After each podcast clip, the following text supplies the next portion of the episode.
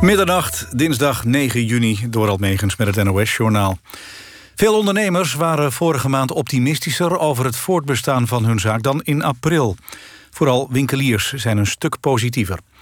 In april dacht maar 9% het nog een jaar vol te kunnen houden. In mei was dat volgens het CBS 65 Het beeld is vertekend doordat het pessimisme in april historisch groot was... zegt hoofdeconoom van Mulligen. Hij is blij dat het vertrouwen weer wat opkrabbelt... mede dankzij de versoepeling van de coronamaatregelen. In veel branches worden minder ZZP'ers en uitzendkrachten ingezet. Werknemers met een vast contract blijven tot nu toe grotendeels buitenschot. De regeling voor gedupeerde ouders van de toeslagenaffaire wordt uitgebreid. Staatssecretaris Van Huffelen schrijft aan de Tweede Kamer... dat ook de ouders die onterecht het predicaat opzet... of grove schuld hebben gekregen... aanspraak kunnen maken op een regeling... die nog wel verder uitgewerkt moet worden. Door dat predicaat kwamen veel ouders in de financiële problemen... en kwamen ze niet in aanmerking voor een betalingsregeling. In de Amerikaanse stad Houston staan honderden mensen in de rij... om George Floyd de laatste eer te bewijzen. De zwarte man overleed twee weken geleden in Minneapolis na politiegeweld. Floyd ligt opgebaard in een open kist in de kerk. Morgen wordt hij begraven in een buitenwijk van Houston naast zijn moeder. Bij de begrafenis zal ook ex-boxer Floyd Mayweather zijn. Hij betaalt de kosten van de uitvaart en de waken. De borgsom voor de agent die wordt aangeklaagd voor de dood van Floyd... is vastgesteld op 1,25 miljoen dollar. De agent Dirk Chauvin verscheen vandaag voor het eerst voor de rechter. De borgsom gaat omlaag naar 1 miljoen dollar... als Chauvin zich aan bepaalde voorwaarden houdt. Vorige week kwamen de drie agenten die verdacht worden... van medeplichtigheid al voor de rechter. Hun borgsom is vastgesteld op in totaal 1 miljoen dollar. Het weer, vannacht koelt het af naar 5 tot 10 graden. Overdag zon en bewolking, op de meeste plaatsen droog. Temperatuur 14 tot 18 graden. En de komende dagen wordt het geleidelijk wat warmer. Dit was het NOS Journaal. NPO Radio 1. VPRO. Nooit meer slapen.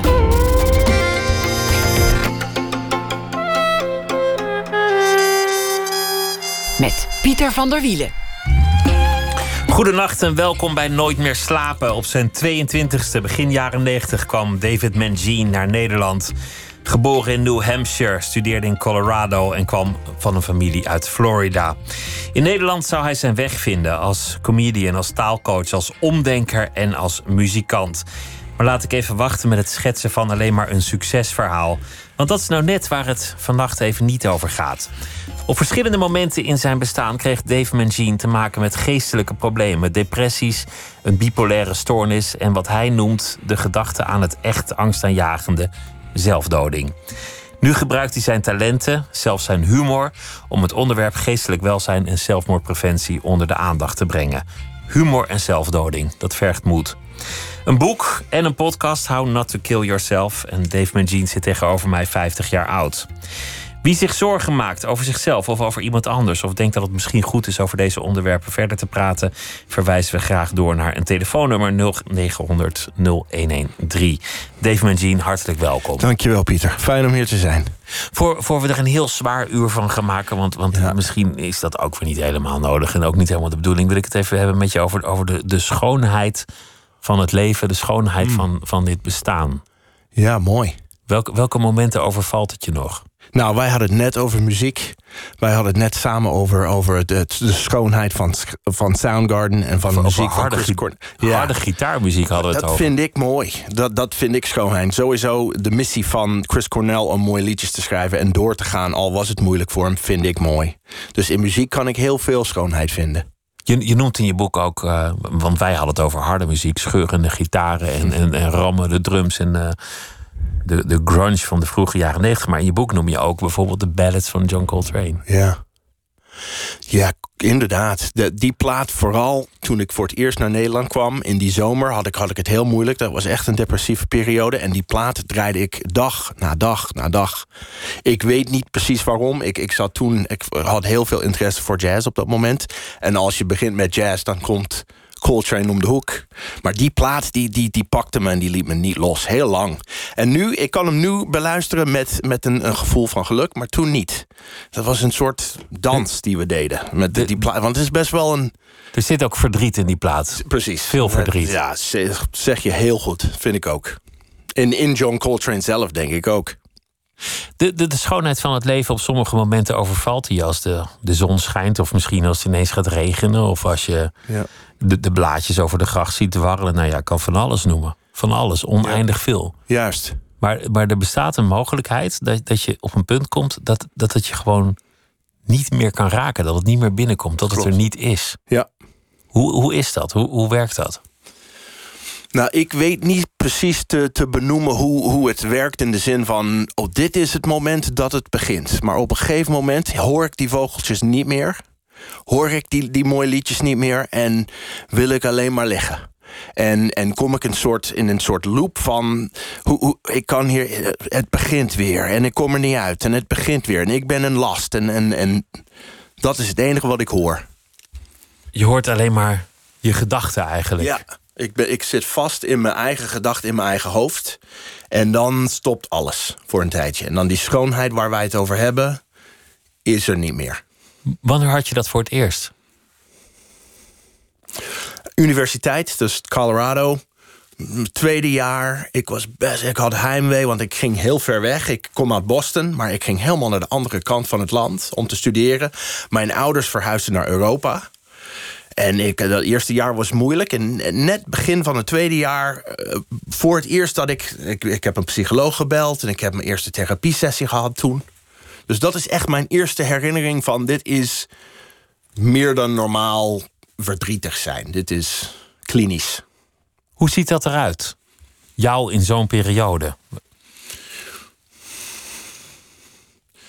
Nou, eh, ik, ik, ik, ik, ik, ben heel stil. Van, van, van mezelf ben ik niet. Praat ik veel en praat ik graag. En vind ik mezelf extrovert. Maar als ik depressief word, ga ik in mezelf verdwijnen. En dan zeg ik helemaal niks. Dan, dan lig ik. Dan onderneem ik niet. Dan ga ik heel veel drinken en gebruiken. Om, om weer niks te voelen. Dat is, dat is een soort die patroon. Maar er komt niks van me uit. Dat, dat, ik, ik produceer helemaal niks. Het is lethargie. Ja, good word. Precies, Je, je schrijft dat je stamt uit een familie van drinkers en vechters. juist. En de vraag is, welke kwam eerst? Het drinken of het vechten, Ja. ze, ze gaan hand in hand, is het niet? Ja, nou, in ieder geval, ik, ik, ik weet het niet precies... maar ik durf te wedden dat mijn opa's en mijn vader... wel eens een biertje dronk voor de oorlogen. Maar daarna zeker wel. Dat was mijn vader, vooral, dat was zijn strategie. Hij had niks anders. Jouw opa vocht in Europa, Juist. Tweede Wereldoorlog. Ja. Je vader vocht in Vietnam, een veteraan. Ja. Heb je ooit geweten wat hij heeft doormaakt en hoe het hem heeft veranderd? Hij, hij, hij heeft er nooit over gepraat, Pieter. Hij kwam terug en, en zweeg. Ja, hij, eh, twee dingen. Hij, op, hij had flashbacks. Dus eh, er kwamen momenten waarin hij, hij, hij een soort van schreeuwde van... It's happening again. En toen wisten wij, mijn broer en ik... Wegwezen hier, dit is niet goed. En toen kwam mijn moeder en ze hebben het een beetje een soort van zelf meegemaakt. Maar hij zag dingen en hij hoorde dingen. Dat is één. En het tweede wat hij deed is heel af en toe... want er, er kwamen ontzettend veel films over Vietnam. En dan, dan werd alles in het huis muisstil. Het is er weer. En heel af en toe ging hij praten over precies wat hij deed als piloot. Niet de emoties of de impact. Niet de nare dingen, maar ik had een, een helikopter en hij had twee raketten. Dat vertelde hij wel met trots ook. Want hij koos om daar te zijn, dus... Een vrijwilliger was Ja, hij. hij was. En, en in 1969 heeft hij. Als, is hij als vrijwilliger naar Vietnam gegaan. Nou, eh, moet je, moet je nagaan. Er zijn niet veel mensen die dat eh, toen deden. Wat eerder wel, maar in 69 was het volop. Dienstplichtigen. Het was, het Ja. was eigenlijk proberen om een smoes te verzinnen om niet te gaan. Waarom? Nou, onze president is daar een mooi voorbeeld van. Meerdere presidenten Ja, trouwens. inderdaad. Wa- waarom wilde, wilde die dat? Ik denk. hij, hij houdt van zijn land, nummer één. Dus hij- echt een patriot. Ja, absoluut. Maar ook om de goedkeuring van zijn vader te krijgen. Zijn vader was natuurlijk ook eh, Ook veteraan. veteraan. En, en, en de, de, de vader van mijn moeder, dus hij... Dat is wel, wel een... Dat was belangrijk voor hem. Want mijn, mijn opa was ook een moeilijke man. En gaf niet veel weg. En was niet heel emotioneel. Maar als hij je wel aandacht gaf, was dat heerlijk. En het voelde, het voelde, dat voelde altijd heel lekker. Dus ik voelde dat zelfs. Laat staan wat mijn vader heeft gevoeld. Dus die goedkeuring heb jij nooit gekregen. Ik zelf. Ja. Alleen, alleen door sport. Als je goed was in sport, dan kreeg je die goedkeuring. Gelukkig, ja. En dat was altijd omdat wij zo vaak verhuisd waren, was dat altijd mijn manier om geaccepteerd te worden in een nieuwe plek. Je weet hoe belangrijk sport is in de identiteit van Amerikanen. En ik was er gelukkig toevallig goed in. En daar was mijn vader altijd bij betrokken. Wat was het? Baseball, basketbal? Alles. Voetbal, alles? Uh, alles behalve Amerikaanse voetbal. En dat is ironisch gezien, dat was zijn sport en mijn opa's sport. En echt een beetje de tough guy sport. Maar dat speelde ik niet. Mijn, ik was vooral basketbal, golf, honkbal. En, en, en soccer, voetbal. Maar sport, vechten, drinken, dat, dat, klinkt eigenlijk alsof, alsof, je, alsof je heel veel dingen moest doen om, om een man te zijn. Absoluut. Sterk, groot en stoer. Ja, en ook daarbij, ik vind dat dat daarbij hoort, ook Italiaans. Want de Italiaanse immigranten, daar waren echt wel tough guys. Vooral in Boston, New York, Philadelphia. Ja, daar, daar kon je geen watje zijn om daartussen te staan. En, en uit zo'n nest kom ik, van mijn vaders kant in ieder geval. Dan heb je een lange reis afgelegd. Als, als eigenlijk nu jouw ding is om over je gevoelens te praten en andermans gevoelens. Heeft lang geduurd. Dat is een flinke weg die je hebt afgelegd. Ja, ik denk, ja, dat denk ik wel. Dat neem ik eigenlijk als compliment. Maar ik, ik ben ermee bezig. Ik, ik werd ook gevraagd door een psycholoog in, in Beeldhoven deze zomer. Waarom heeft het zo lang geduurd? Dat is eigenlijk wat jij nu zegt. Daar heb ik niet echt antwoord op, maar dit heeft er wel mee te maken, denk ik. Je moest stoer zijn, je, je praat niet over dingen, je gaat door. Juist. Je laat niet weten dat het even slecht gaat. Dat je het niet aan kan of wat dan ook. All of that. En ik denk als ik wel had gezegd, vooral tegen mijn vader, maar mijn moeder natuurlijk ook, was er wel ruimte voor zo'n gesprek. Maar het werd gewoon niet gedaan en ik durfde het niet, of ik had het gevoel ergens dat het niet kon of mocht. Maar ik denk, bedoel, eh, ze houden van me en ze willen het beste voor me, dus dat had gekund, maar ik durfde het niet. En nu wel. Is er een kans geweest dat je het niet zou hebben overleefd? Ah. Nou, eh, vorig jaar april was heel donker. En, zo, en, zo kort geleden? Ja, niet, eh, iets meer dan een jaar. Dus echt rock bottom. Eigenlijk 1 april vorig jaar is de dag, daar heb ik over geschreven in het boek. Uh, maar laat ik het zo beantwoorden. Dominique, zij zit hier naast mijn vriendin. We wonen samen en zij had voor mij een uh, verzekering, begrafenisverzekering afgesloten om, om een gevoel om aan te geven hoe. Ze dacht, dit moet ik nu toch wel even doen. Ja, ja precies. En dat wist ik niet op dat moment. Dat hoorde ik na afloop. Of, of, of toen het wat lichter werd. Maar dat vond ik wel pittig. Maar ik, ik, dat eh, was echt heel, heel donker toen. Dat was een moeilijk moment. Dat wil zeggen, denken aan, zoals je schrijft, het echt angstaanjagende. Zelfdoding. Denken eraan, niet, niet een concrete poging daartoe, zozeer? Nee. Nee, eh, ik, ik, ik noem het is geen poging geweest. Ik heb het wel gegoogeld, veel over gelezen. Ik wist mijn methode of mijn manier, wat het zou zijn. Uh, maar zover kwam het niet. Hoe, hoe werkt zo'n gedachte? Komt dat in je op? Ja, goede vraag. Ik, ik, ik, denk dat het begint bij ik kan het niet meer. Ik dit, kan het dit, niet meer. Dit werkt niet. Ik dit gaat kan niet. het niet meer. Dit werkt. Het kan het niet meer. Gewoon dat. Het is niet eens paniek. Het is, het is een soort kalmte van oké, ik, ik accepteer het. Dit, dit werkt niet meer. En daarna een soort van plan maken en opties bedenken. En, maar de gedachte aan mijn kinderen en, en die dag daar. Nee, ik, dat, dat kan ik ze niet aandoen. Dus dat uh, is, is mijn redding geweest dat er anderen waren. Dat je wist dat je mensen in de steek zou Juist. laten. Ja. Er zijn natuurlijk genoeg mensen geweest bij wie die gedachte ook er wel was, maar dat dat, dat niet. Weet je, nou, daar heb ik ook. Dat is mooi dat je dat zegt. Daar heb ik ook veel over nagedacht. En ik oordeel niemand hierin. En ik, ik snap wel dat mensen die wel met kinderen het gedaan hebben, ik snap wel dat dat is waarschijnlijk het laatste waar ze aan gedacht hebben. Maar toch kon het niet meer. En dat snap ik. Maar ik uh, hoef, zover hoefde het voor mij niet te gaan, gelukkig. Want nu ben ik gelukkig en snap ik, oh, het is niet nodig. Ben je nu definitief gelukkig of, of is dit een soort golf waar, waar we het over hebben? Uh, oftewel een manische periode. Uh, definitief is een moeilijke. Maar ik ben bezig met een, met een manier van leven nu waarin ik best wel goed weet: oké, okay, dit, dit, dit is in ieder geval stabiel. En ik voel me gelukkig. En eh, kijk wat we nu aan het meemaken zijn met corona, et cetera. Ik heb helemaal geen werk, al mijn shows zijn af. En ik voel me goed. Dus dat is, dat is wel opmerkelijk.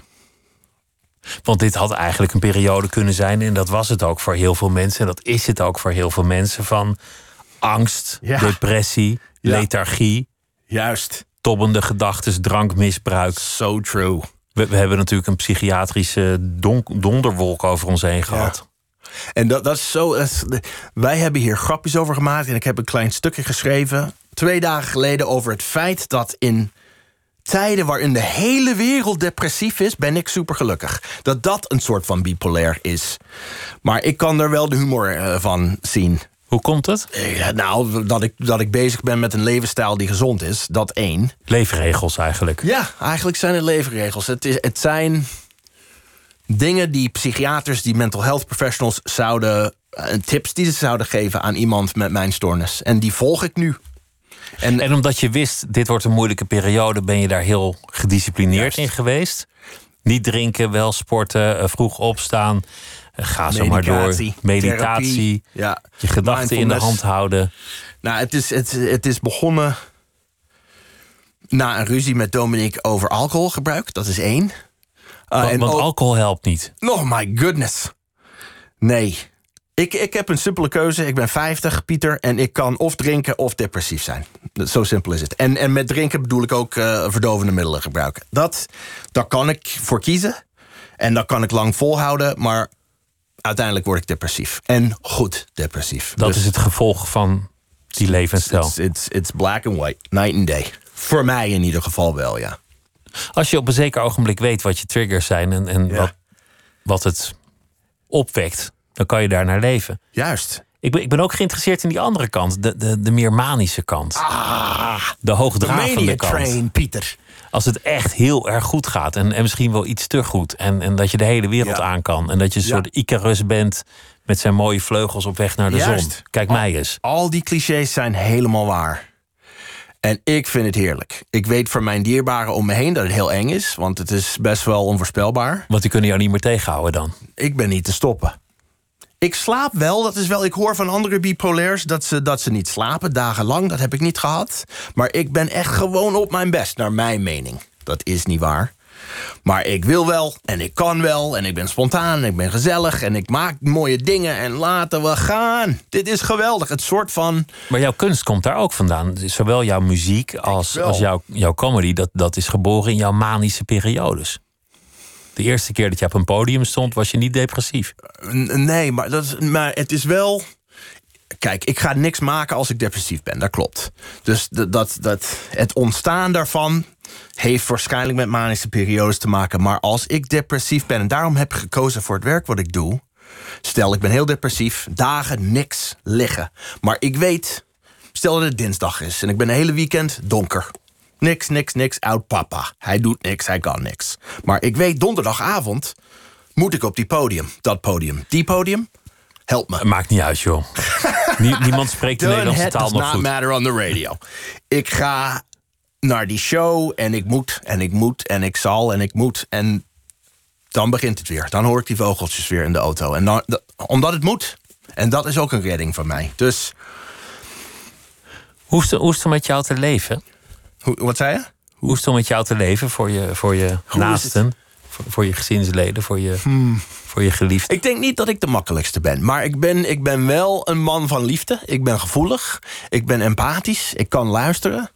Maar ik, ik, ik, als het dan donker wordt eh, of, of heel manisch ben... dat het best wel veel energie kost om, om met mij samen te leven. Dat Het is bijna alsof er een soort barometer aan de muur hangt. What's it gonna be today, kids? You're not the weather, maar Ja.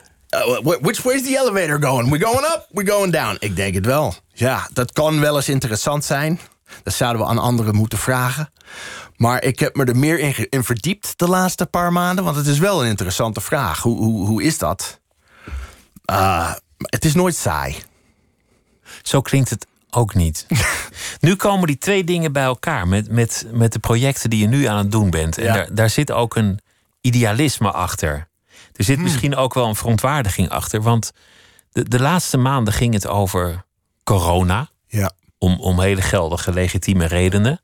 Mensen die ziek waren, mensen die doodgingen. Dat zijn getallen die in het niet vallen vergeleken met andere doodsoorzaken als kanker. Dat zijn, dat zijn er vele, vele malen meer. Hart- en vaatziekten. Zelfdoding komt nog lang niet op dat niveau, godzijdank. Maar het is best een grote doodsoorzaak in het Westen. Zeker Ja. onder jongeren. Ja. En, En er wordt weinig over gesproken. Klopt. Het is een ongemakkelijk onderwerp waar we, waar we liefst met zo'n groot mogelijke boog omheen lopen. Geldt ook voor depressie en alle aanverwante doodsoorzaken die met depressie te maken hebben. Juist. Ja, daarom ben ik zo dankbaar dat ik hier mag eh, komen praten daarover. Het, eh, Is ook jouw missie om, om dat aan de man te brengen, om mensen wakker klopt. te schudden. Juist. Ja, het is mijn missie. Dat klopt. Wat was het moment dat je dacht, ik, ik heb eigenlijk een soort functie te vervullen? Ja, goeie. Het is niet particulier. Nee, zo ben ik niet begonnen, dus daarom is het een goede vraag. Ik ben, ik, ik ben begonnen met dit boek voor mijn eigen therapie. Ik moest. Schrijven is mijn manier van de wereld en het leven verwerken. En ik kwam uit die donkere dal in april. En ik begon te schrijven en ik begon te schrijven. En dat ging goed. Maar op het moment dat de uitgever positief reageerde. en vond dat wij een boek hadden. dan begon hij met. Nou, laten we wat meer, wat breder pakken. Natuurlijk voor financiële redenen, maar ook gewoon als missie. Laten we man, proberen bij mannen te komen. En toen begon ik steeds meer te geloven in die missie. Er zijn ook andere mensen erbij gekomen. Nathan Vos is, is een maat van mij en een schrijver van een mooi boek over het verlies van zijn broer aan zelfdoding. Wij hebben een soort samen missie als broers om hier eh, mensen aan de praat te krijgen. Dus er zijn meerdere mensen die erbij komen en dat is mooi. Maar dat had ik niet voorgesteld in het begin en dat vind ik zo bijzonder dat dat ineens er, er was. Hoe komt het dat het zo'n groot probleem is in onze samenleving? Steeds meer. En hoe komt het dat er zo moeilijk over gesproken wordt? Wa- Nou, waarom waarom lukt denk- dat niet? We hadden het net over mijn familie, dat dat wel in veel families het geval zal zijn. Je moet stoer zijn. Je moet Wees een man. zijn. Ja, stel je niet aan. Dat is een mooie Nederlandse. Tough guy, come on. Kijk naar de leiders nu in de wereld die, die, die populair zijn. Het, is, de hele beeld is eh, Sterke mannen. Ja, sterke mannen, precies. En, en ook dat het daarover praten is lastig. Hoe doen we dat? En waar beginnen we? En waar eindigt het? En we moeten dingen oplossen. En het gewoon luisteren en praten, dat vinden, dat vinden we moeilijk. Het is misschien Jammer. ook confronterend voor mensen. Omdat het ook jezelf kan gebeuren. Omdat het je persoonlijkheid raakt. Ja, omdat het een, een teken van zwakte is, zogenaamd. Inderdaad. Ik merk ook als ik, als ik over, eh, vooral als ik over bipolaire begin, over mijn diagnose. Ik zie eh, ogen van mensen, ze, ze kijken weg. En, Ben, ben ik hier veilig? Kan ik hier nog wel Ja, zitten met deze man? Wat gaat er nu gebeuren? Is, is hij crazy? Ja, Ja. dat geeft al aan. Maar ik, ik vind, het- het kan nog. We, er is hoop. Mensen willen wel. We weten niet hoe. Of nog niet. Is, is het te verhelpen? Bij jou heeft medicatie geholpen. bij, bij, bij veel mensen heeft medicatie Na alle geholpen. vragen zeg ik, dat is een goeie, Pieter. Ja. Sorry. Maar, maar weet je ook Je een zou je werk hiervan moeten maken. Uh, I, I don't even know your question. Wat was de vraag, Pieter? Sorry. Is, is het te verhelpen? Want, want, want jouw Ja. boek leest als een zelfhulpboek. Ja, dat is om, het om ook. mensen eruit te helpen. Het is te verhelpen. Zeker weten. Ik ben living proof. Absoluut. Is, kunnen we iedereen redden? Ik denk het niet. Ik denk dat er mensen zijn die zo ver zijn. Dat zie ik ook met chronische verslaving. Ik zie het op straat. Dat er sommige mensen zijn waarvan je realistisch moet zijn en zeggen: Nou, dat, dat gaat niet lukken. Maar ik wil graag geloven dat zero suicide mogelijk is. Dat is ook een soort van specifieke doel, missie. Het is niet nodig. Iedereen kan gelukkig zijn, daar geloof ik in. Ik bedoel, I'm living it. Dat bedoel ik. Je moet natuurlijk oppassen dat, dat het niet, niet makkelijk wordt. Dat je tegen mensen zegt: hey, Ja. weet je wat jij moet doen? Is een keer lekker vroeg opstaan en, eh, Ja. en gewoon een rondje gaan rennen. Moet jij eens Gewoon kijken hoe je yoga, voelt. meer yoga. Nee, Als, als jij nou eens aan yoga gaat doen, dan, Ja. dan zijn die depressietjes van jou. Moet je, moet je eens opletten. Die zijn verdwenen, joh. Ik, ik ben absoluut met jou eens. Maar het helpt ook het gesprek over depressie niet om het mak moeilijker te maken. Om te zeggen, nou, dit is wel een heel moeilijk gesprek, maar we gaan het wel aan. Het is een ziekte en daar kan je niks tegen doen. Dat bedoel je. Ja, ja en, en het, het, het serieuzer maken. Uh, nee, laten we het lichter maken. Laten we het komischer maken. Want, want jij gebruikt humor. Dat is ook je vak. Ik hoop het. Je maakt het grappig. Jij hebt nog niet gelachen vanavond. Valt me op. Dat is mijn doel. Ik, ik ben een inwendige lacher. dat is echt waar. Mensen zeggen Mensen, dat, waarom hij lacht hij nou niet? inwendig. Ja, ja dat is voor, voor een komiek niet het antwoord dat je wil horen. Dat heb ik nodig, Moet je, dat jij moet je lacht. voorstellen dat je een hele zaal met mensen zoals mij zou hebben... die allemaal inwendig lachen. Je, Oh, je ja. zou, Ja, dat ga ik, de volgende keer ga ik dat zeggen. Je- ik heb zou geleerd, jullie zijn allemaal inwendige lachers. die bestaan ook, die hebben ook rechten. Niet in een comedyclub. Nee, het is niet wat je zoekt. Ah, Maar humor en depressie, humor en zelfdoding. ja. Waarom niet? Ik bedoel, het is al moeilijk genoeg. Ik vind dat het een, een vehikel is. Ik vind dat het een opening is. Het is een deur. Als we al, en, en dat gebeurde bij mij die, die verschrikkelijke dag in april. Ik hoorde grapjes over een, een faalde poging en een gebroken kleine teen. It's an angle. It's a way in. Ik, ik vind dat het kan helpen om hierover te beginnen. Als het zogenaamd grappig is. Maar het is een risico, ik snap dat wel. Zero suicide, zei je. Ja, Hoe, hoe zouden we dat ooit kunnen bereiken? ja. In ieder geval beginnen met erin geloven en, en praten. Het niet opgeven, Niet, simpelweg. ja, precies. En, en ik ben, ik bedoel... Het taboe ik, ik ben- doorbreken. Juist, praten. Ik bedoel, ik, ik, ben, ik ben stom, maar ik ben niet dom. Dus ik weet dat zero waarschijnlijk niet haalbaar is. Maar als streven, ik sta erachter. Het is niet nodig, mensen. Hetzelfde is ooit gezegd van verkeersongevallen. En dat heeft heel lang een enorme daling teweeggebracht. Simpelweg het feit dat mensen niet zeiden... ach, dat hoort erbij. Interessant voorbeeld. Ja, Inmiddels stijgt het weer door, door allerlei redenen. Voornamelijk de smartphone, denk ik. ja dat helpt ons ook niet Maar- tijdens het maar- rijden. Een soort gelijke mentaliteitsverandering. Dat je het niet accepteert en zegt... ach ja, dat hoort er nou eenmaal bij. Ja, Dat, dat zou wel eens verschil kunnen maken. ik denk het wel. We hadden het over, we hadden het over Soundgarden. Ja. Chris Cornell. Chris Cornell. En dat, dat, dat is een muzikant die, die... Ja, in het begin was het gewoon boos en, en hard. En veel gitaar. Ja. En steeds meer liet, liet hij ook zien wat een kwetsbare liedjes die kon maken. Juist. Een groot artiest. Ik heb hem een aantal keer zien optreden. Jij hebt hem gezien op zijn, op zijn meest gevoelige met een akoestische gitaar. Alleen met een akoestische gitaar. Een korte set. Kippenvel, nu al. En toen, en toen zag je werkelijk wat die man waard was. Ja. Ik had hem ook wel eens gezien, gewoon een vo- volle, volle luidsterkte. Keihard. ja. Headbangend. Met mooie krullen. Ja. Prima. Ja, ja. Niks op aan te Precies. merken. Ja. Maar, maar, dat, dat, maar hij heeft het niet gered, deze man. Nee. En daar is, daar is veel door andere artiesten, door vrienden over gespeculeerd. wat er nou gebeurd is. Want, want het ging goed met hem. Ja, hij was bezig met een soort van programma. Om, om beter te zijn. Maar het is niet gelukt. Nee, dat vind ik super moeilijk. Nog steeds. Het is niet zo lang geleden. Volgens mij eh, twee weken geleden. De, de dag van zijn dood. Ergens in mei. Maar wat, wat denk jij dat er gebeurd is? Met hem. Ja.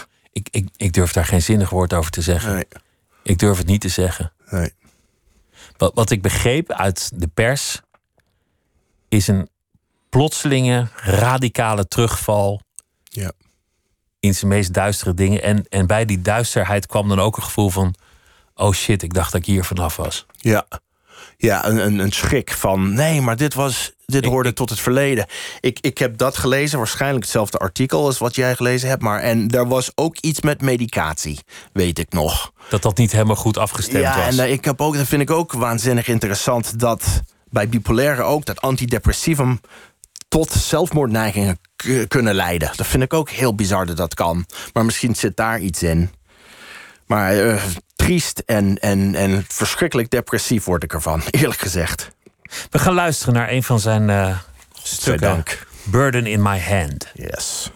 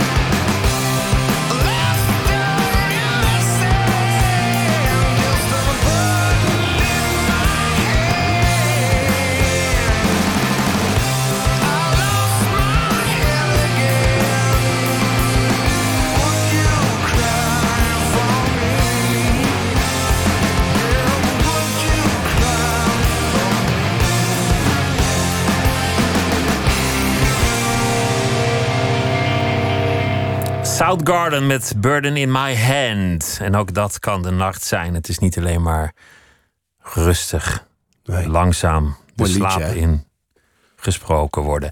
David Mangine zit tegenover mij en hij koos dit uit vanwege Chris Cornell... die eh, in 2017 een einde aan zijn leven heeft gemaakt. En daar hebben we het over, want dat is eigenlijk de missie op dit moment van Dave Mangine. Aandacht vragen voor geestelijke stoornissen, voor depressie, bipolariteit, Ja. voor zelfdoding.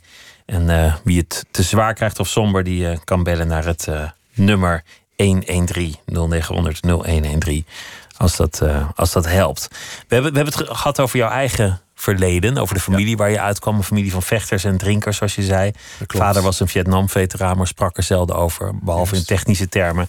Wat voor helikopter die vloog. Ja. Maar je wist op zekere momenten. En nu moeten we wegkomen. Nu wordt het gevaarlijk hier in huis. Ja. Het was dus eigenlijk een omgeving waarin je nooit jezelf kon zijn. Werd ook niet gewaardeerd. Want je Eh, moest alleen op een sportveld. alleen als je stoer was, alleen als je won. Ja. Alleen als het Alleen als je won. Mooi. ja. Volgens mij heeft iemand daar een mooi liedje over geschreven in, in Nederland. Maar dat klopt, ja. Ja. Het is een gedachte die, die me bezig hield, om- omdat jouw moederland nu in, in Nederland enorm in het nieuws is. Vanwege wat er is gebeurd in Minneapolis. Nou en of. En dan hebben we die, die George Floyd, die, die wordt vermoord door een, door een agent. Ja. En er is een, een achtergrond waar, waar je eigenlijk weinig over hoort op dit moment. Het is evident dat, dat, dat racisme een enorme rol speelt. Maar hij was een portier die zijn baan verloor door, door corona. Hij leefde van fooien. En met, met zeg 12 dollar op zak op straat kwam te staan. En de huur loopt door en de elektriciteitsrekening en noem maar op. En daar sta je dan. Ja. Een keiharde samenleving. Die agent die moest samen, eh, samen met zijn politiewerk nog andere dingen doen om rond te kunnen komen. Ja. Die man die zal ongetwijfeld een, een, een burn-out hebben gehad. Ik bedoel, ik neem zonder meer aan dat het, dat het, een, dat het een klootzak was. Ja. En dat hij nooit politieagent had mogen zijn. Ja. Maar het heeft ook de achtergrond van een meedogenloos harde, competitieve samenleving. Juist. Een samenleving waar iedereen moet winnen, verstrikt zit in een rat race. Ja.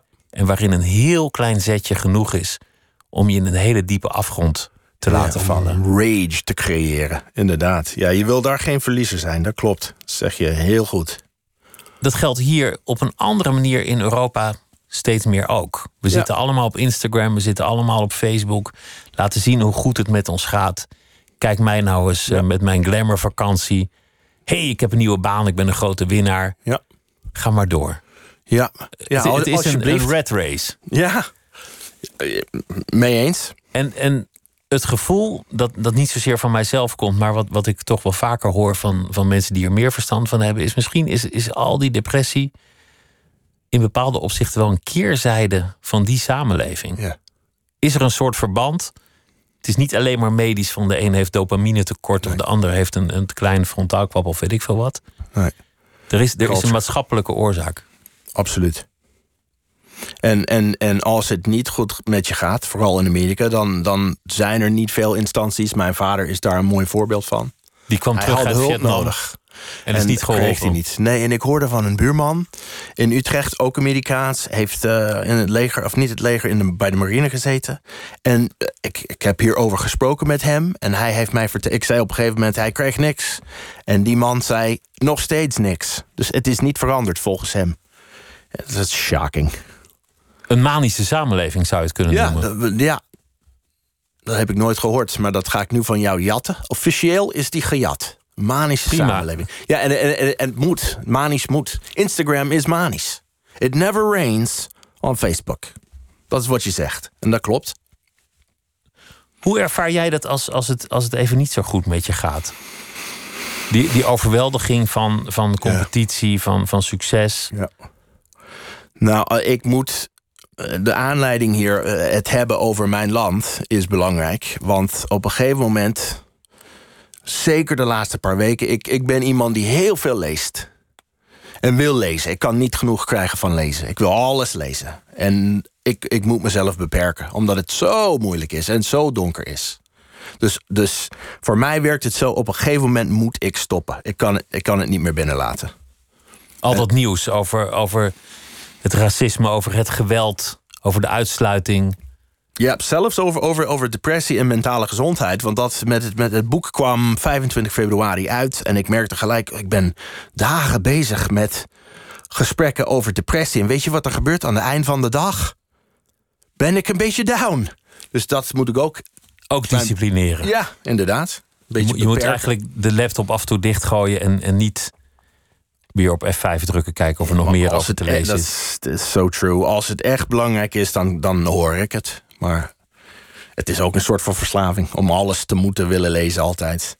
Maar het nieuws uit Amerika is op dit moment eh, niet fijn. Dat klopt. Hoe denk je eigenlijk over dat land dat je hebt achtergelaten? Goeie. Ehm, eerste wat ik daarover wil zeggen is dat ik... Ik heb geen Nederlands paspoort. Ik woon hier 27 jaar en ik woon nog steeds op een, een verblijfsvergunning. Vreemdelingendocument voor vijf jaar. Ik lever mijn Amerikaanse paspoort niet in. Het is een liefde-haatrelatie, absoluut. Maar ik merk, en dat deel ik nu met jou en met heel Nederland... Ik, ik, dat geef ik niet op. Ik, ik, Je geeft dat land niet op. Nee, ik kan, nee dat, ga ik niet doen. Ik, ik blijf die Amerikaanse paspoort houden, nationaliteit houden.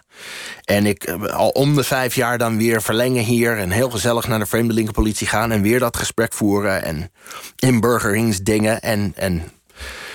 Maar al haat ik het nu en ben ik het niet mee eens met wat er gebeurt... in de zin van eh, politieke leiders... ik blijf Amerikaan.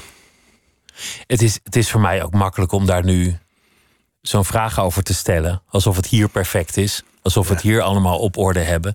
En alsof Amerika alleen maar dat is.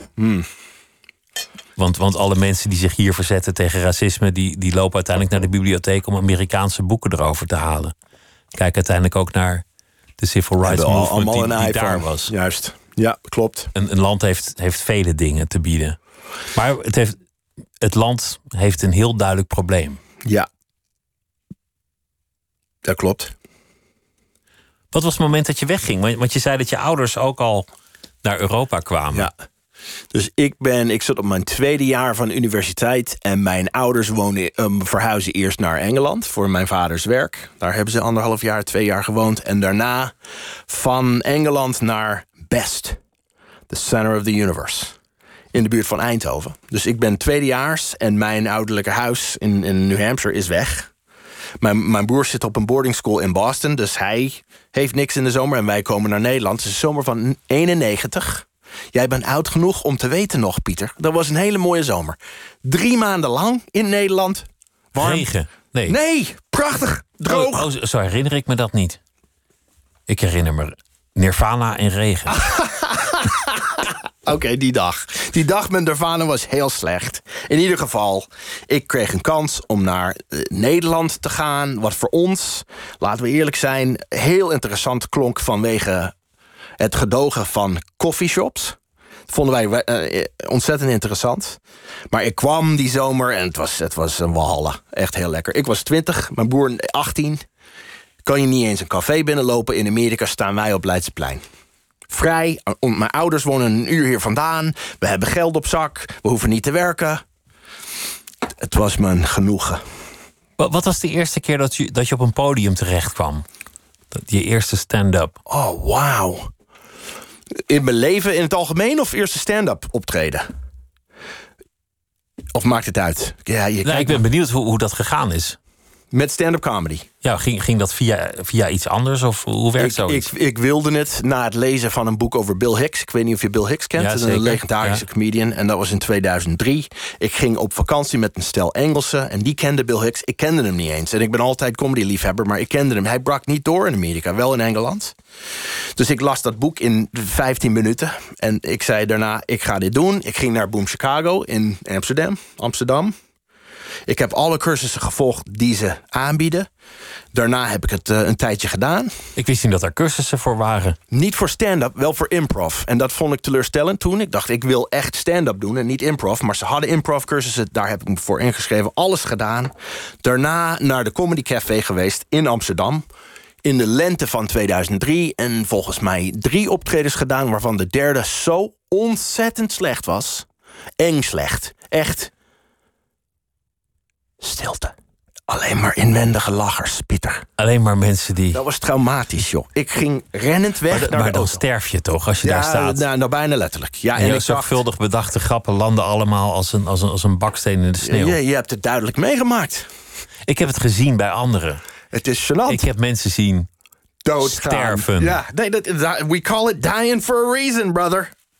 Nee, echt. En ik kon dat niet tegen, want mijn eerste twee optredens gingen goed. Maar dat was beginner's luck. Had met veel dingen te maken. Ik had wat fatsoenlijke mijn grappen waren oké, maar niet geweldig. Maar die derde, ik was kwetsbaar en het ging niet goed. En ik dacht toen, ik kan het niet, dus ik stop ermee. Dat was ook een foutje. Hoe kom je er dan weer over die gedachten heen? Want, want je zit hier nu wel Ja. en, je, en je staat er Nou, toch was ook wel 15 weer. jaar later. Heeft dat zo lang geduurd? Ja, ik kon het niet. Ik, en weet je wat ik deed? En dit is dit, dit, zo'n soort verhaal zal je wel eens gehoord hebben. Ik dacht, wat ik ga doen, dit lukt me niet meer. Muziek kan ik niks mee verdienen, dus ik, ik word een fatsoenlijke burger. Ik ga een huis kopen. En ik ga mijn belasting betalen. En ik ga netjes gedag zeggen naar de buurman. En ik word netjes. En, en welke inkomstenbron hoorde er bij netjes? Nou, toen had ik mijn eigen eh, House of English. Daar geef ik eh, Engelse lessen aan bedrijven, dus dat ging goed. Ik was gestopt bij de Nonnen en Vught met lesgeven en mijn eigen ding begonnen. En dat ging super, dat ging prima. Ik was door blijven gaan met muziek maken, maar niet met het doel om professioneel te worden in de zin van geld verdienen. Maar ik werd een fatsoenlijke burger en dat eh, kon ik uiteindelijk niet volhouden. Hoe ging dat mis dan? Nou, ik begon bij omdenken. fatsoen... Ja, nou ja, hoe ik het benoem is niet eerlijk. Maar in ieder geval, zo voelde ik dat. Ik, I'm gonna be respectable. This is my move to respectability. En uiteindelijk komt die dat komt omhoog. Dat kan niet. Je kan er niet omheen. Het komt eruit. En dat begon bij mij in 2015. Omdat ik begonnen was bij omdenken. En omdenken is eigenlijk 50% of meer comedy. Omdenken is eigenlijk creatieve oplossingen of creatieve Juist. gedachten een- aandragen. juist, van een voor, voor probleem een bedrijven, particulieren. Juist, allemaal. Proberen Wauw. het eens anders te bekijken. You need a job. Uh, ja, precies. Van een probleem een mogelijkheid maken. Maar die, die live shows zijn heel grappig. En heel, ze zitten heel goed in elkaar. Veel improv comedy. En then the beast was awakened. Dus dat heb ik twee jaar gedaan. Heel veel. Doe ik nog steeds. Maar, en toen dacht ik in 2018 waren wij op vakantie in Spanje. En ik dacht, ik ga, ik ga weer stand-up doen. En dan ben ik begonnen. En deed ik nog steeds tot en met The Plague. En dat ging goed. Tot, tot de plague. Vaak wel. Vaak wel, maar nu kan ik wel tegen die momenten dat het niet goed gaat. Ik weet niet waarom dat is. Ik denk dat ik ouder en wijzer ben geworden, Pieter. Maar in ieder geval, ik kan, ik kan nu wel tegen. Ik snap wel, ik kan het beter analyseren. En snappen waarom het niet goed ging. En dan weer gaan werken. En weer gaan schrijven. En, en nog een keer proberen, want het hoort erbij. Op een gegeven moment ga je, ga je dood. Het, het is ook de vijand van je optreden als je al gaat denken of het goed gaat. Ja, Je staat daar je grappen Ja. te maken en, je- en je Ja. denkt ineens... volgens mij lacht niemand. en dan, dan ben, je al, ben je al misschien iets van je concentratie Goodbye. verloren. ja, En daarna denk je, wat betekent dat dat, Ja. dat niemand lacht? ja ik vind En wat ook... zijn de gevolgen? Zou, zou het dan morgen betekenen dat, dat ik... En als niemand lacht, dan moet ik hier wel staan. Nou ja, dan ben je verloren. Ja, en dat gebeurt allemaal in een nanosecond. Na drie comedians en met nog vijf te gaan, sta je in zo'n plekje en dan denk je, nou ja, dit is wel, dit is, dit is, dit is lastig. Ik vind het ook geweldig, de cultuur van comedians, we helpen elkaar. Dat is wel heel fijn. Omdat het is een soort van, eh, we gaan samen vechten tegen het, weet je wel, in the trenches. Eh, Die gevoel, dat gevoel heerst, heerst wel onder comedians. Dat vind ik super tof. Als je zou omdenken over het thema waar we het eerder over hadden, Oh. over depressie, hoe, Ja. hoe moet je dat eigenlijk anders zien? Vergeleken met de manier waarop we daar nu naar kijken. Ja. Ik weet niet of wij. Ik kan niet 1, 2, 3 zeggen. Pieter, wij kunnen depressie, klinische depressie, omdenken. Zover ga ik op dit moment niet. Maar wel, eigenlijk is stap 1 van het omdenken accepteren wat de werkelijkheid is. En er niet tegen vechten. Dus. Niet winnen van depressie, want dan ben je alweer in die competitie Precies, terecht. En dan is het weer falen als je ook dat al niet kan. Precies. Dus stel, ik voel me niet goed. Ik ben verdrietig, ik ben depressief. Ik ga er niet tegen vechten. En ik ga iemand vertellen: jongens, ik ga niet nep doen. Ik, het gaat niet goed. Dat, dat, is, een- dat is het begin van omdenken. In ieder geval de werkelijkheid zien voor wat het is. Het omarmen, accepteren en, en daarmee verder gaan. Dus wat dat betreft, dat zou ik eerst doen. Gesprek beginnen. Erken dat het er is, zoals je dat bij jezelf ook doet. En zoals praat jij erover. weet, Ja, vind iemand om erover te praten. Het belangrijkste in jouw leven zal waarschijnlijk zijn dat je liefde hebt. Wauw. Look, at that tattoo, man. Voor de luisteraar. Een enorme hart op mijn arm. Zo, dat, dat is- dat is lekker dik aan. Je Mooi, dat- hè? Ik ben twee dagen geleden... I had a touch-up. That's why you're seeing that. Oh Maar ja, hij is nog vers, dus daarom, daarom is hij een beetje precies. rafelig. Ik heb deze laten plaatsen op de dag van eh, dat het boek uitkwam, 25 februari. Om, precies Ik voor dat wat ze- jij net Dat ze zei. allemaal dicht waren, die tato-winkels, of mag dat weer van de... Ja, dat is, ze zijn net weer open gegaan. Ja. Oké, ja, hij was er heel blij mee dat het, dat het weer kon. En- Je- je maar dit is, dit is liefde. Dus je hebt helemaal gelijk. Dominique, hoor je dat? Liefde. want je zei eerder, dat is wat mij op de benen heeft gehouden. De gedachte dat ik mensen zou verlaten. Dat ik mensen pijn zou doen. Dat er mensen zijn voor wie ik hier Ja, moet zijn. als we het specifiek over zelfdoding hebben, vooral mijn twee zoons. Die koppies. Dat, ik, kan het, ik, kan, ik doe het ze niet aan. Ik doe het niet.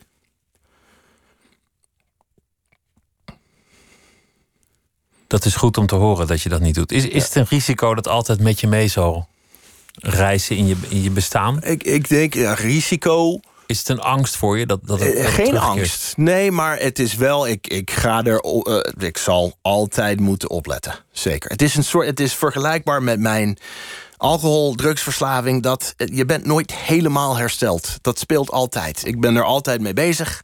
Ik ga naar die bijeenkomsten. Ik praat erover met mensen. Ik zoek hulp.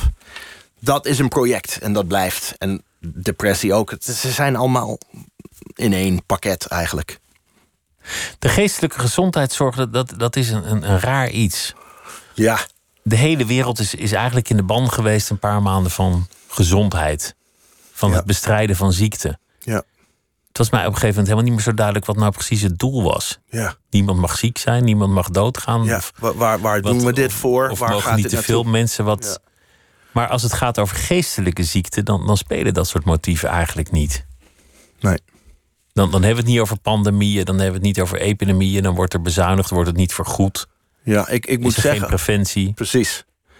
Ik moet zeggen, als ik echt heel eerlijk ben en ik, ik denk terug, de enige die ik heb horen zeggen of benoemen op televisie, mentale gezondheid, is president Trump. En dat doet me pijn om dat te moeten toegeven. Maar Want hij, hij begon zei-. Hij zei: als we niet gaan werken, Komt er een, komt er people een commit crisis? suicide. Ook zo bot gezegd en zo niet met nuance. Hij zoals hij doet. Hij had gelijk. Hij zei het wel. Dacht hij, Hij had niet het. helemaal gelijk, maar op dit ene punt had hij. Wel, Had hij zit wat in.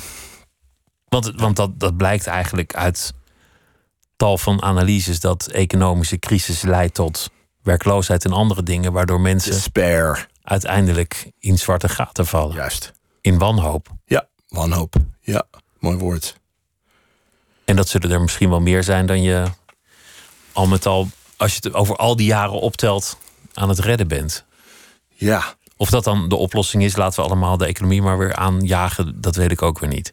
Nee, eh, dat, Dat is te ingewikkeld. eh, eh, ja, precies. Middenweg. Dus ergens iets daartussen. Maar ik was het ook kwijt. Ik ben het met je eens op een gegeven moment. eh, En dan weer te veel lezen en te veel kijken. En denken, waar, waar gaat dit naartoe? Ik, eh, en alleen maar daarover horen. Er was niks anders. Dat vond ik ook... Alleen maar over, over corona bedoel je? heel over die ziekte. Every news story. Al, alles. Every- elke artikel. Er was eigenlijk niks anders voor een tijdje. En wij liepen gewoon in, midden in Utrecht. Op een gegeven moment, begin april. Alleen maar bezorgers. Oranje jassen, weet je wel, van thuisbezorgd. En de politie. En dan rondlopen, wij, wij wonen midden in de stad. Alsof het een scène uit The Handmaid's Tale is. Echt super eng. Niemand. Ik ben blij dat dat afgelopen is, Pieter. Ik ben, ik, ben, eh, ik ben veel gaan wandelen. Ja, Eh, wij ook. Veel gaan lopen. Ja. Gewoon Ben je, lopen. ben je gezonder eruit gekomen? Zijn we eruit? Weet ik niet. Maar in ieder geval, ben je gezonder dan drie maanden geleden in je hoofd? Nou, dat, dat wandelen was wel, was wel lekker ook. Ja. Je, je loopt door een lege stad. Ja. Woon je in Utrecht? Nee, Het was Nee. leeg. Utrecht was leger. Oh, poëtisch leeg. Echt. Ja. Maar je bent, jij bent er gezonder uitgekomen zelf. Dat zei je eigenlijk. Dat, dat, Wonder. dat, dat juist nee, het dat is dat ook zo. Dat klopt. die tucht aan jezelf oplegde. Ja, en dat, dat was begonnen 6 april, die dag. Het gesprek met, eh, met mijn partner en een belletje met Joost de uitgever. Hij vroeg heel bot... Dave, ben, je al begonnen met het tweede boek? Eerste is net uit. En dat heeft ook geleid tot een gesprek over het volgende boek. En dat gaf me ook een richting, een doel, structuur. En dus daar zijn we nu mee bezig. En uh, I've never felt better, Pieter. Wat wat je eigenlijk doet op dit moment is, is wat, je, wat je vroeger deed als, het, als je bovenin zat. In Ja. je manie, namelijk op een Ja. podium staan, Ja. energiek zijn, een zaal inpakken, grappen over mensen uitgooien. De gedachten over mensen uitstrooien. En datgene wat je doet als het niet goed gaat, bij elkaar brengen. Ja. Die, die twee uitersten van jezelf, die, die breng je naar het midden. ja. En dat, dat is eigenlijk een, een vraag waar, ik- waar ik toch een beetje ook mee zit. Hmm.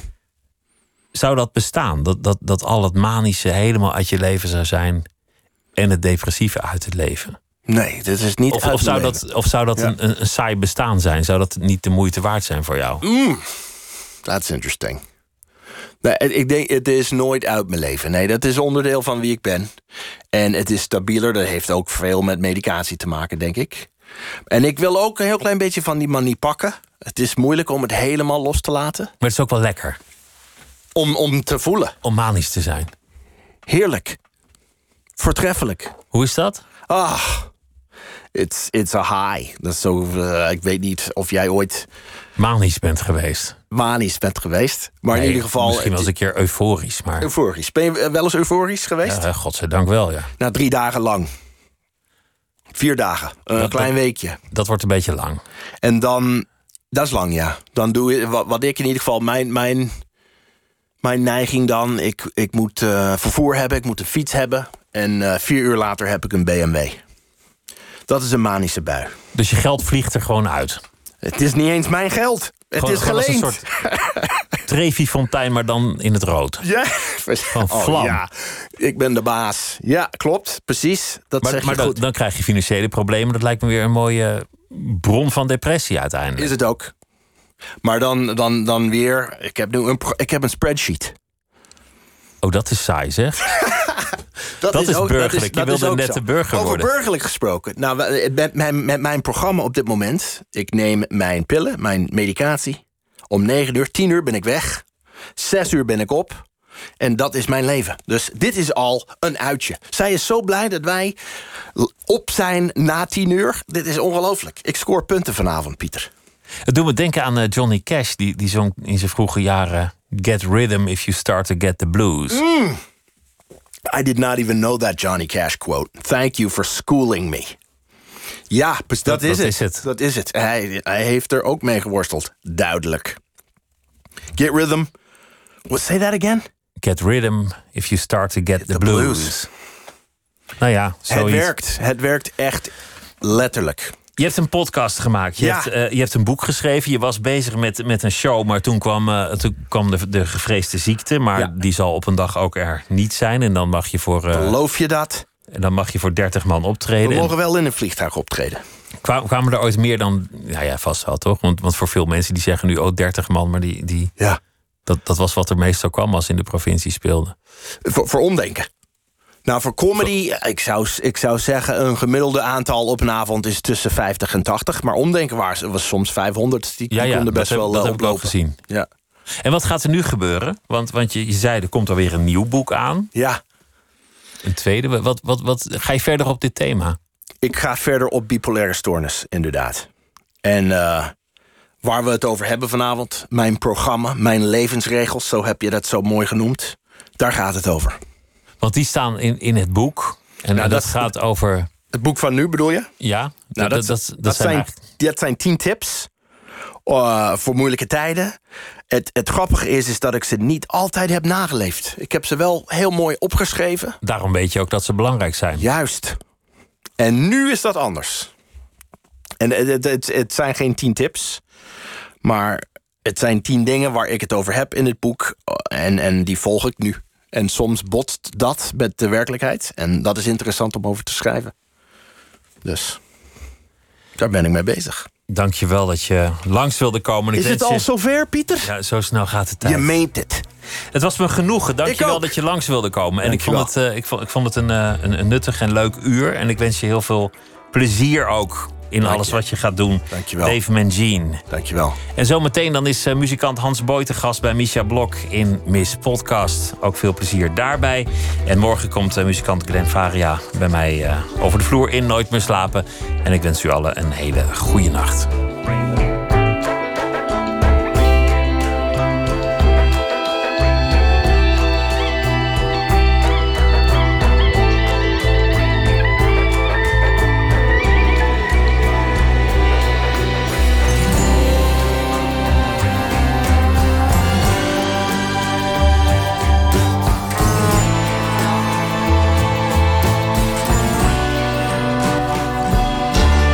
Radio 1.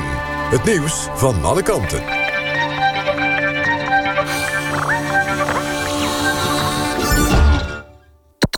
NPO Radio 1.